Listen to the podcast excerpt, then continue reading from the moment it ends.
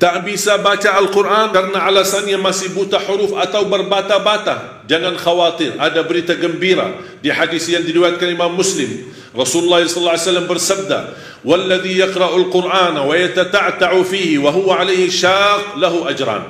Barang siapa yang membaca Al-Quran dan dia mendapatkan kesusahan sambil berbata-bata dalam bacaannya. Apa dapatnya? Apakah dosa karena berbata-bata? Kesulitan dalam membaca apakah itu dosa? Kata Rasulullah SAW, tidak. Itu dua pahala. Falahu ajran. Satu pahala karena dia mau membaca. Satu lagi karena kesusahan dan kesulitan yang dia hadapi saat membaca. Mohon maaf, tidak bisa baca sama sekali. Alhamdulillah masih bisa simak. Dengar. Sambil naik motor, sambil kita menjalani tugas di kantor, atau kita kemana saja pergi. Alhamdulillah sekarang fasilitas mudah. Dan HP kita bisa kita dengar. Murattal, sambil kita khatam 30 juz walaupun tidak mengerti isinya mendapatkan keberkahan. Satu ayat kalau kita jaga setiap habis salat fardu dan ketika mau tidur sebagaimana bersabda Rasulullah sallallahu alaihi wasallam man qara ayat al-kursi dubura kulli salatin laysa bainahu wa bainal jannati illa yamut. Barang siapa yang membaca ayat kursi setiap habis salat fardu dijamin menjadi ahli surga Cuba satu ayat saja menjaminkan kita masuk surga. Kira-kira gimana 30 juz Al-Quran? Dan selalu saya sampaikan kepada jemaah, kalau seandainya buru-buru, lagi ada rapat, ada meeting, ada urusan mendadak, tak bisa berlama-lama di masjid, tak apa-apa. Habis istighfar, langsung baca ayat Al-Kursi. Terus habis itu jalan. Terus gimana subhanallah walhamdulillah dan zikir-zikir yang lain? Tak apa-apa sambil jalan pulang bisa kita jalankan zikir itu. Asal jangan tinggalkan ayat kursi setiap habis salat. Karena itu jaminan mendapatkan surga Allah subhanahu wa ta'ala.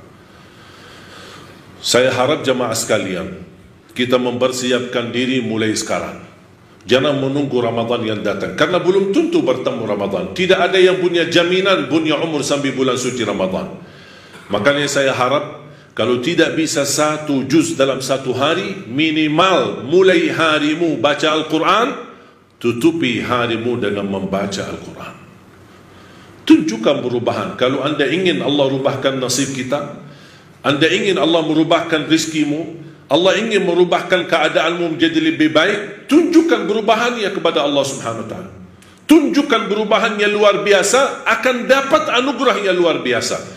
Tapi jangan kita menjadi hamba biasa-biasa saja Tapi minta sama Allah yang luar biasa. Itu tidak adil. Oleh kerana itu jamaah sekalian Mari kita minimal mulai harimu baca Quran Semampunya. Satu ayat, dua ayat, satu halaman. Apa yang anda mampu tunjukkan. Begitu habis subuh, sebelum beraktivitas Sebelum jalan ke kantor atau kemana Kita baca Al-Quran Begitu pulang, sudah mau tidur, siap-siap, sebelum tidur ambil air wudu dan baca Al-Quran. Habis itu tidur. Semoga di antara kita memulai hari kita baca Quran, tutupi hari kita baca Al-Quran, semoga di antaranya kita mendapatkan keberkahan oleh Allah Subhanahu Wa Taala. Berkah terjamin. Saya belajar dari ibu saya. Setiap hari tidak pernah lewat pasti khatam suratul Baqarah. Setiap hari.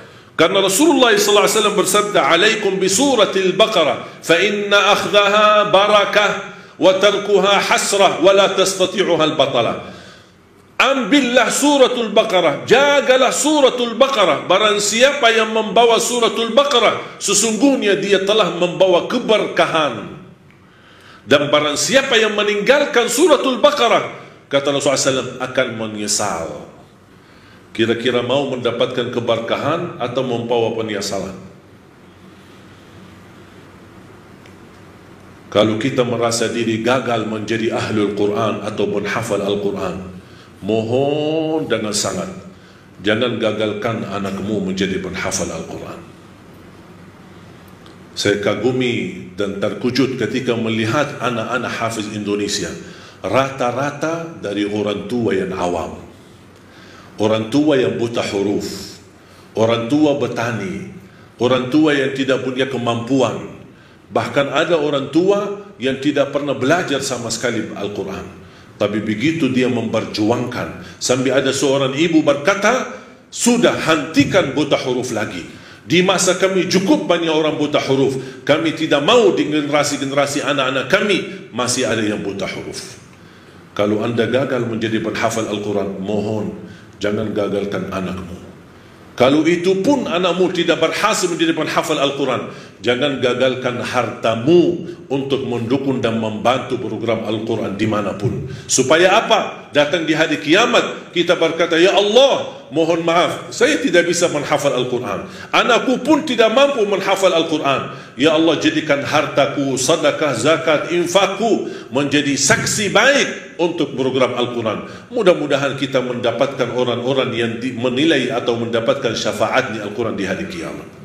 بارك الله لي ولكم في القرآن العظيم ونفعني وإياكم بما فيه من الآيات والذكر الحكيم. أقول قولي هذا وأستغفر الله لي ولكم ولسائر المسلمين والمسلمات من كل ذنب وخطيئة فاستغفروه إنه هو الغفور الرحيم.